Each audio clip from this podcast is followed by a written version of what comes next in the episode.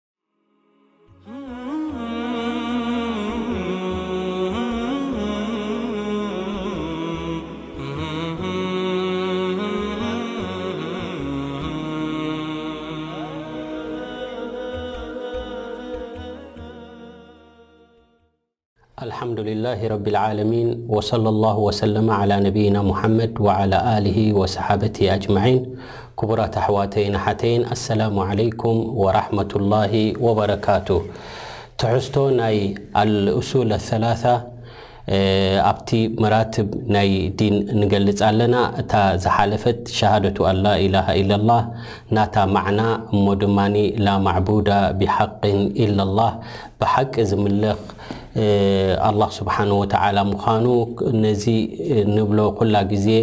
ላ ማዕቡዳ ቢሓቂን ኢለላህ ትብል መርትዖ ካብ ክታብ ካብ ቁርኣነልከሪም ከምኡውን ካብ ሱነት ነቢይ ሰለላሁ ዓለይሂ ወሰለም ከም ዘለዎ እውን ገሊፅና ነይርና ማለት እዩ። ምስኣ ኩላ ግዜ ተቛሪና ትኸይድ ካብኣ ዘይትፍለይ ምስክርነት ድማ እንታይ እዩ እንተድኣ ተባሂሉ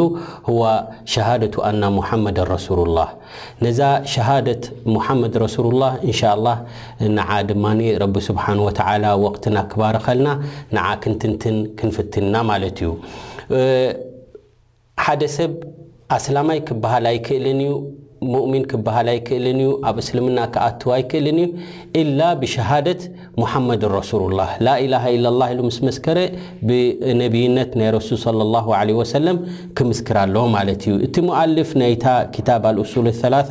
ነዚ መርትዖ ድኸውን ነዛ ናይ ሙሓመድ ረሱሉላህ ትብል ካብ ቁርኣንል ከሪም ደሊል ኣምጺኡልና ማለት እዩ እታ ኣብ ሱረት ተውባ ዘላ ለቀድ ጃኣኩም ረሱሉን ሚን ኣንፉሲኩም ዓዚዙን ዓለይሂ ማ ዓኒቱም ሓሪሱን ዓለይኩም ቢልሙእሚኒና ረኡፉን ራሒም ትብል ነዚኣ ከም መርትዖ ኣቕሪቡልና ማለት እዩ። እወ ረሱል ሰለላሁ ዓለይሂ ወሰለም ካብ ኣላህ ሱብሓነሁ ወተዓላ ዝተልኣኹ ነብይ ምዃኖም እሞ ድማ ነብይና ሙሓመድ ሰለላሁ ዓለይሂ ወሰለም ብጣዕሚ ህርፋንን ድልየትን ደቂ ሰባት ናብ ቅኑዕ መንገዲ ንክኣትው ከም ዝነበሮም ከምኡ ድማ ዓብይ ራሕማ ዓብይ ማለት ርህራሄን ከም ዝነበሮም ብእመቶም ድማ እዛ ኣያ እዚኣ ትገልጸልና ማለት እዩ እዛ ኣያ እዚኣ ሚን ኣንፉሲኩም ትብል ደላ ያዕኒ ሚን ጅንሲኩም ማለት እዩ ረቢ ስብሓን ወተዓላ ረሱል ክልእኽ እንከሎ ካባና ካብ ደቂ ሰብ መሪጹ ልኢኹልና ማለት እዩ ምክንያቱ መላኢካ እንተ ኮይኑ ካሊእ ነገር እንተ ኮይኑ ምሳና በኒ ጅንስ ኢና ካባና ስለ ዘይኮነ ክንለምዶ እውን ኣይንኽእልን ኢና ካሊእ ነገር እውን ወይ ድማ እቲ ግቡእ ሪሳላ ክበፅሕ ስለ ዘይክእል ኣላሁ ስብሓን ወተዓላ በቲ ናቱ ሕክማ ማለት እዩ ንደቂ ሰባት ክልእኽ ከሎ ካብቶም ምሩፃት ዝኾኑ ብሉፃት ዝኾኑ ካብ ደቂ ሰባት እዩ ዝልእኽ እሞ እነህልኩም ድማ ሚን ኣንፉሲኩም ያዕኒ ሚን ጅንሲኩም ሚን በኒ ጅልደቲኩም የተከለሙ ብሊሳኒኩም ወተዕቂሉነ ዓንሁ ብመልሓስኩም ከምቲ ቋንቋኹም ከምቲ ትዛረብዎ ከምኡ ድማ ትፈልጥዎ ናቱ ዘርኢ ዝኾነ ሙሓመድ ሰለላሁ ዓለይሂ ወሰለም ተላኢኹልኩም ምበል ረቡና ዓዘ ወጀል ማለት እዩ ሃዛ ዋዲሑ ዲላላ ዓላ ኣና ኣሸሃደት ሙሓመድ ረሱሉላህ ማለት ብነቢይነት ናይ ንረሱል ሰለላሁ ዓለይሂ ወሰለም ልኡኽ ምዃኖም እዚ ዓብይ መርትዖ ካብ ቁርኣን ኣለና ማለት እዩ ሊኣና ማዕና ሸሃደቱ ኣና ሙሓመድ ረሱሉላህ ኣን ተዕተቂደ ኣና ሙሓመደን ኣርሰለሁ ኣላሁ ጀለ ወዓላ ብዲን ልእስላም ምክንያቱ ሸሃደት ሙሓመድ ረሱሉላህ ክንብል እንከለና ምሉእ ዝኾነ ጥርጥር ዘይብሉ እምነት ክህልዋ ኣለዎ ናይ ኣብ ሓደ ወዲ ሰብ ማለት እዩ ነቢይ ዓለ ሰላት ወሰላም ብዲን ልእስላም ከምቶም ድሓለፉ ነቢያት ከምኣቶም ልኡኽ ምዃኖም ዲን ልእስላም ሒዞም ድመፁ ምዃኖም ክትምስክርን ክትኣምንን እዩ ዘለካ ማለት እዩ ኣብዚ ሓንቲ ዓባይ ዝኾነት ፋኢዳ እንረኽባ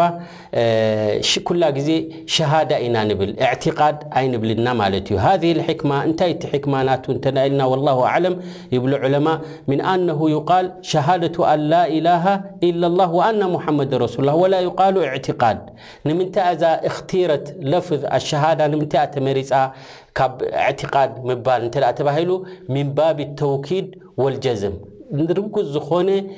ጥርጥር ዘይብሉ እምነት ስለ ክሕድር ስለ ዘለዎ እቲ ሰብ በዚ እንታይ ተባሂላ ማለት እዩ ሸሃዳ ንብል ማለት እዩ ማለት ከኣነካ ትሻሂዱ ተሻሃድ ክትብል ከለካ ስኒ መስካራ ኢኻ ማለት እዩ ዝምስክር ዝማኒ ዝረኣየን ዝሰምዐን እዩ ማለት እዩ እሞ እቲ እምነት ናይ ብሓቂ ጽኑዑን ተሪርን ዘጠራጥርን ስለ ዘይብሉ ድማ እንታይ ንገብር ማለት እዩ? ነሽሃዱ ኣን ላኢላሃ ኢለላህ ወኣና ሙሓመድን ረሱሉላህ ማለት እዩ። ثመ ሁና መስኣለቱን ኡኽራ ካሊእ ድማ ወህየ ኣነሁ ፊል ሓዲስ ጁዒለት ሸሃደታን ሩክነን ዋሒዳ እታ ላኢላሃ ኢለላህ ሙሓመድን ረሱሉላህ ሓንቲ ሩክን እያ ካብተን ኣርካን ልእስላም ብድሕሪኡ ኢቃሙ ሰላ ኢታኡ ዘካት ንብል። እዛ ሸሃደቱ ኣን ላኢላሃ ኢለላህ ምስታ ሙሓመድ ረሱሉላህ ንምንታይ'የን ደኣኒ ክልተ ሸሃዳ እንከለዋ ብዋሕዳንያ ናይ ረብን ብሪሳላ ናይ ረሱሉን እናመስከርና እንከለና ክልተ ክንሰን ላኪን ከም ሓንቲ ኮይነን ኣብ ሓንቲ ሩኩን ተሓዊሰን ዘለዋ እንታይ እቲ ሕክማ ናቱ እንተ ኢልና ዑለማእ እንታይ ይብሉ ብዙ ሕክማታት ክህልዎ ክእል ሓደ ካብቲ ሕክማ ናቱ ኣነ ሃተይን ሸሃደተይን ኣሳስ صሓቱ ልኣዕማል ወቁቡሊሃ እዘን ክልተ ሸሃዳ እዚኣተን ብሓንሳብ ተቛሪነን ዝመጽኣ ዘለዋ ምኽንያቱ ዝኾነ ይኹን ዓመል ዝኾነ ይኹን ስራሕ ናብ ረቢ ስብሓን ወተዓላ ከቀራርበኒ ኢልካ ተስርሖ ብዘይ ዘን ክልተ እዚኣተን ተቐባልነት የብሉን ላ ዩቕበሉ ልዓመል ወላ የኩኑ ሰሒሓን ኢላ ቢኣምሬን ክልተ ነገራት ከማልእ ኣለዎ ሓደ ዒባዳ ናብ ረቢ ስብሓን ወተዓላ ቅቡል ንክኸውን ማለት እዩ ቀዳማይ ኣልእኽላስ ያዕኒ ኣልእኽላሱ ሊላሂ ሱብሓነሁ ወተዓላ፣ ስራሕ ትሰርሖ ሊላህ ኢልካ ክስራሕ ኣለዎ፣ ንረቢ ሱብሓነሁ ወተዓላ ኢልካ ክትሰርሖ ኣለካ። እምበኣረይ እንታይ ተድልያ ማለት እዩ? ላኢላሃ ኢለላህ ያዕኒ ንብሕቱ ንኣላህ ሱብሓነሁ ወተዓላ ኢኻ ክትግዛእ ዘለካ፣ ንዕኡ ኢኻ ብእኽላስ ክትግዘኦ ደለካ፣ ኢዘን እዚኣ እታ ላኢላሃ ኢለላህ ማለት እዩ። ሓደ ከተማልኦ ደለዋ ኢኽላስ ክህልዎ ኣለዎ ሓደ ስራሕ፣ ተቐባልነት ንኽረክብ። ካልኣይ ካብቲ ሸርጢ ሓደ ስራሕ ተቐባልነት ንኽህልዎ ድማ ሙታብዓ ክህልዎ ኣለዎ፣ ኣይ ሙታብዓት ነቢይ ሰለላሁ ዓለይሂ ወሰለም፣ በቲ መንገዲ ናይ ረሱል ሰለላሁ ዓለይሂ ወሰለም ብኡ ኢኻ ክትቀራረብ ዘለካ ናብ ረቢ ሱብሓነሁ ወተዓላ፣ በቲ ነፍስኻ ቃሕ ዝበለካ ዘይኮነ በቲ ተሸሪዑ ዘሎ በቲ ረሱል ሰለላሁ ዓለይሂ ወሰለም ኣምጺኦሞ ዘለዉ መንገዲ ብኡ ዒባዳ ክትገብር ስለዘለካ እምበኣረይ ብዘይ እዘን ክልተ ሸርጢ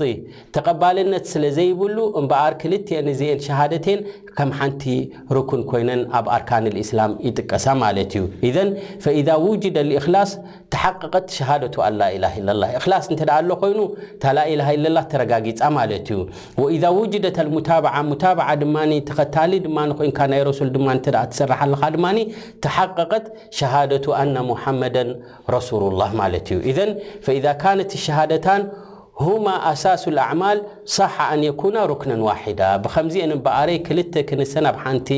ሩክን ተቖጺረን ዘለዋ ማለት እዩ። ካልኣይ ድማ ኣነ ረሱል ሰለላሁ ዓለይሂ ወሰለም ሙበሊጉን ዓኒላህ ረሱል ሰለላሁ ዓለይሂ ወሰለም ናይ ረቢ ስብሓነሁ ወተዓላ ትእዛዛትን ሸሪዓን ንሶም እዮም ዘመሓላልፉ ማለት እዮም። ፈሸሃደቱ ለሁ ቢሪሳላ ወልዑቡድያ ንረሱል ዓለይሂ ሰላቱ ወሰላም ልኡኽ ናይ ረቢ እዩ፣ ባርያ ናይ ረቢ እዩ ኢልካ ምምስካር ሚን ተማሚ ሸሃደቲ ኣን ላኢላሃ ኢለላህ፣ ነታ ላኢላሃ ኢለላህ ንዓ ምሉእነት ትገብራላ ማለት እዩ፣ ፈከኣነ ኣሳንያ ተክሚለቱን ልልኡላ፣ እዛ ካልኣይቲ እዛ ሙሓመድ ረሱሉላህ መመላእታ፣ ሙከሚላ፣ ናይ ምንታይ እያ ማለት እዩ፣ ነታ ናይ ላኢላሃ ኢለላህ ማለት እዩ። ኢዘን ወማዕና ሸሃደቱ ኣነ ሙሓመደን ረሱሉላህ ክንብል ከለና እንታይ ደተሓዘ እዩ ወይ እንታይ የጠቓልል ኣብ ውሽጡ እንተ ኢልና፣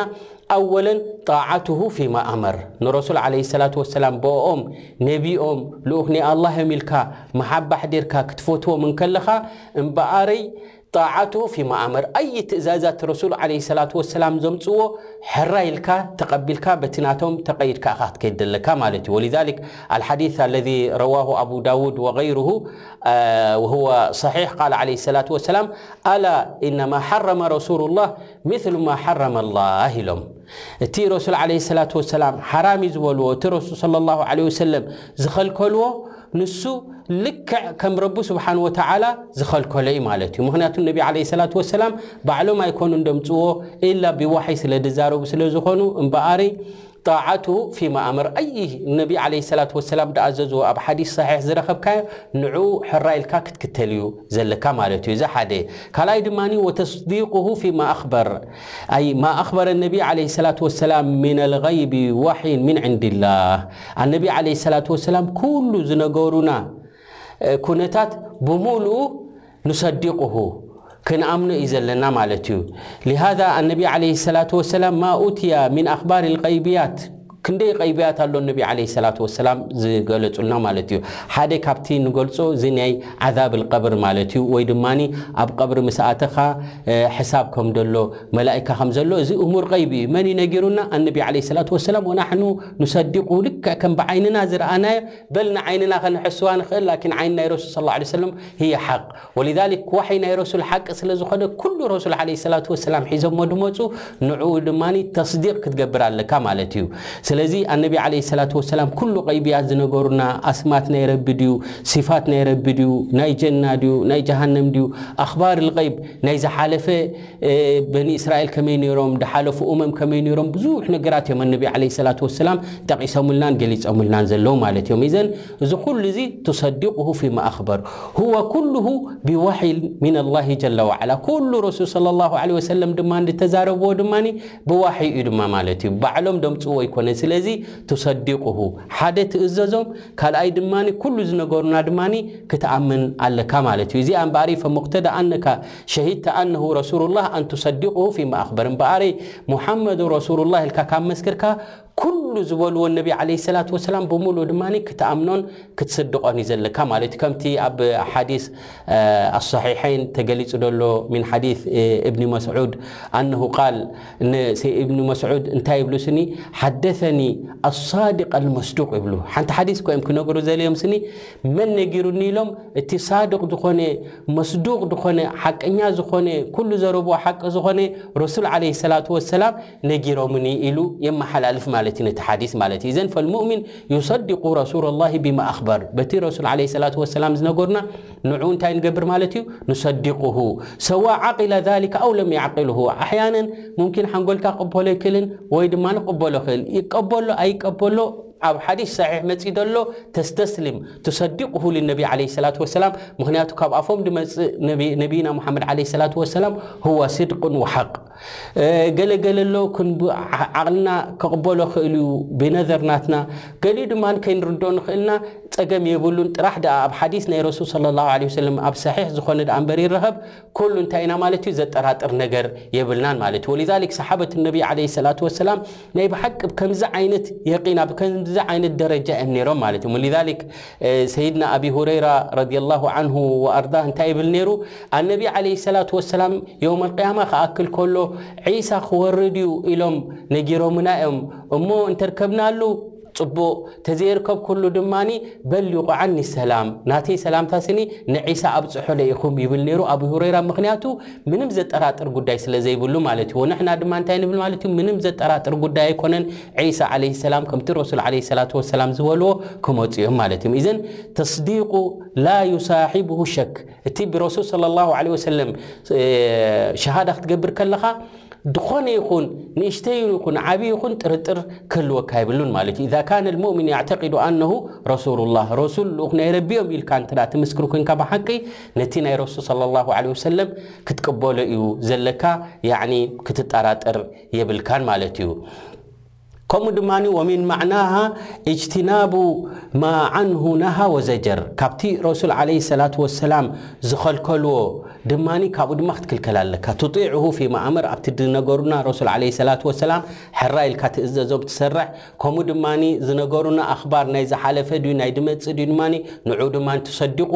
ከምኡ ድማ ካብቲ ዝኸልከልዎ ኣነቢ ዓለይሂ ሰላቱ ወሰላም ድማ ትኽልከል ማለት እዩ ምኽንያቱ ረቡና ዓዘ ወጀል ኣብ ሱረት ልሓሽር እንታይ ኢሉ ወማ ኣታኩም ረሱሉ ፈኹዙህ ወማ ነሃኩም ዓንሁ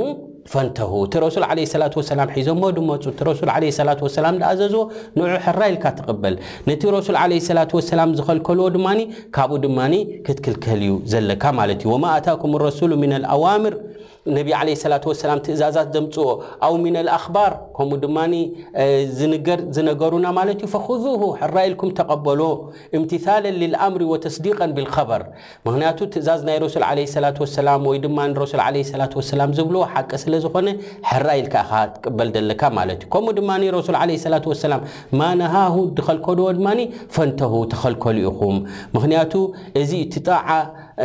ጣዓቱን ሊላሂ ጀለ ወዓላ ወሊረሱሊሂ ንረቢ ስብሓን ወተዓላ ተኣዚዝካ ንረሱል ሰለላሁ ዓለይሂ ወሰለም ምእዙዝ ኢኻ ትበሃል እዚ እንተደኣ ጌርካ ኢኻ ማለት እዩ ከምኡ ድማ ወኣላ ዩዕበደ ኣላህ ኢላ ቢማ ሸረዕ ንረሱል ዓለይሂ ሰላቱ ወሰላም ካብቲ ሙቅተድያት ናይ ሸሃደቱ ሙሓመድ ረሱሉላህ ካብቲ ሓደ ግዴታታት ኣላ ዩዕበደ ኣላህ ኢላ ቢማ ሸረዕ ኢላ በቲ ረሱል ዓለይሂ ሰላቱ ወሰላም ዝሸርዕዎ ተዘይኮይኑ ብኻሊእ ጌርካ ናብ ረቢ ስብሓን ወተዓላ ክትቀራረብ ክትፍትን የብልካን ኩሉ ረሱል ዓለይሂ ሰላቱ ወሰላም ደምጽዎ ብኡ ኢኻ ክትከይድ ዘለካ ብኡ ኢኻ ዒባዳ ክትገብር ዘለካ ኩሉ ረሱል ደየምጽዎ ነገር እንተ ኮይኑ ረሱል ዘይገበርዎ ረሱል ዘይረኣይዎ ባዕልኻ ሰብ ድፈልሰፎ እንተ ኮይኑ እዚ እቲ ቢድዓ ዝበሃል ማለት እዩ ካብ መንገዲ ረሱል ዘውጽኣካ ማለት እዩ ኢዘን ኩላ ግዜ በታ ናይ ረሱል ዓለይሂ ሰላቱ ወሰላም ደምጽዋ መንገዲ ብኣኻ ክትጓዓዝ ዘለካ ማለት እዩ ፈኢዛ ኣዕተቀደ ልሙስሊም ዛሊካ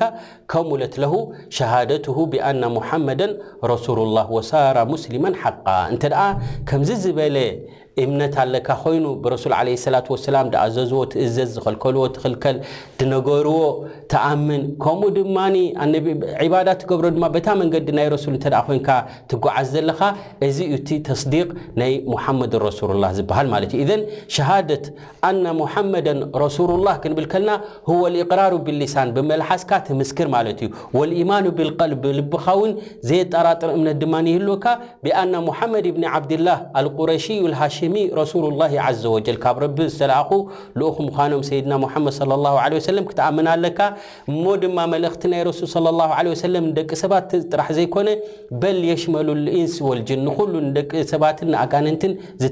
ዝተለኣኹ እዮም ምኽንያቱ ትእዛዛት ናይ ረቢ ኩላቶም ደቂ ሰባትን ኣጋንንትን ዝተፈጠሩ ንረቢ ስብሓነ ወተዓላ ንብሕቱ ንኸምልኹ እዮም ምኽንያቱ ረቡና ዓዘ ወጀል ኣብ ሱረት ዛርያት መበል 56 ኣያ እንታይ ኢሉ ወማ ኸለቅቱ ኣልጅና ወልኢንሳ ኢላ ሊያዕቡዱን ኢዘን ዒባዳ ዒባዳ ክበሃል ኣይከኣልን እዩ ኢላ ዓን ጠሪቅ ኣልዋሕይ በቲ በቲ ናይ ረሱል صለ ላሁ ለ ወሰለም ሒዞሞ ድመፁ ብኡ መንገዲ እንተ ተጓዒዝካ እኻ ንስኻ ንረሱል صለ ላሁ ለ ወሰለም ተኸታል ትበሃል ከምኡ ድማ ዒባዳ ትገብር ኣለኻ ትበሃል ማለት እዩ ኢዘን ነቢ ዓለይሂ ሰላቱ ወሰላም ሒዘሞ ድመጹ ብኹሉ ተኣምን ብኹሉ ድማ ተኽተል ማለት እዩ። ወሊዛሊክ ኣነቢ ዓለይሂ ሰላቱ ወሰላም ሁወ ዓብዱን ማእሙር ትእዛዝ ናይ ረቢ ስብሓነ ወተዓላ ዘኽብሩ እዮም። ንሕና ድማ ረሱል ዓለይሂ ሰላቱ ወሰላም ዓብዱላሂ ወረሱሉሁ ናይ ረቢ ልኡኹን ባሪኡን ኢልና ድማ ንምስክረሎም ማለት እዩ። ከምቲ ረቡና ዓዘ ወጀል ኣብ ሱረቱል ፉርቃን ተባረከ ለዚ ነዘለ ኣልፉርቃነ ዓላ ዓብዲሂ ሊየኩነ ሊልዓለሚነ ነዚራ ናብዚ ባሪኡ ናብ ሙሓመድ ዓለይሂ ሰላቱ ወሰላም እዚ መምርሒታት እዚ ረቢ ስብሓነሁ ወተዓላ ኣውሪድዎ ደሎ ንምንታይ እዩ ምኽንያቱ ንደቂ ሰባት ምእንትን ካብ ጥፍኣት ናብ ቅኑዕ መንገዲ ንኽመፁ መጠንቀቕታ ዝኾነ እዩ ይብል ማለት እዩ እዘን ሙቅተዳ ሃዚሂ ሸሃዳ ካብቲ ግዴታታት ሓንቲ ናይ ሸሃደት ሙሓመድ ረሱሉላህ ክንብ ከለና ተስዲቁ ረሱሉላህ ሰለላሁ ዓለይሂ ወሰለም ፊማ ኣኽበር ነቲ ድነገሩና ኩሉ ማለት ክንኣምንን ወይ ድማ ክንስድቕን ከምኡ ድማ በቲ ዝበልዎ ድማ በቲ መንገዲ ዒባዳ ናይ ረሱል ሰለላሁ ዓለይሂ ወሰለም በቲ ነቢ ዓለይሂ ሰላቱ ወሰላም ዘምጽዎ ብኡ ክንምራሕን እዩ ዘለና ማለት እዩ ከምኡ ድማ ኣነቢ ዓለይሂ ሰላቱ ወሰላም ሁወ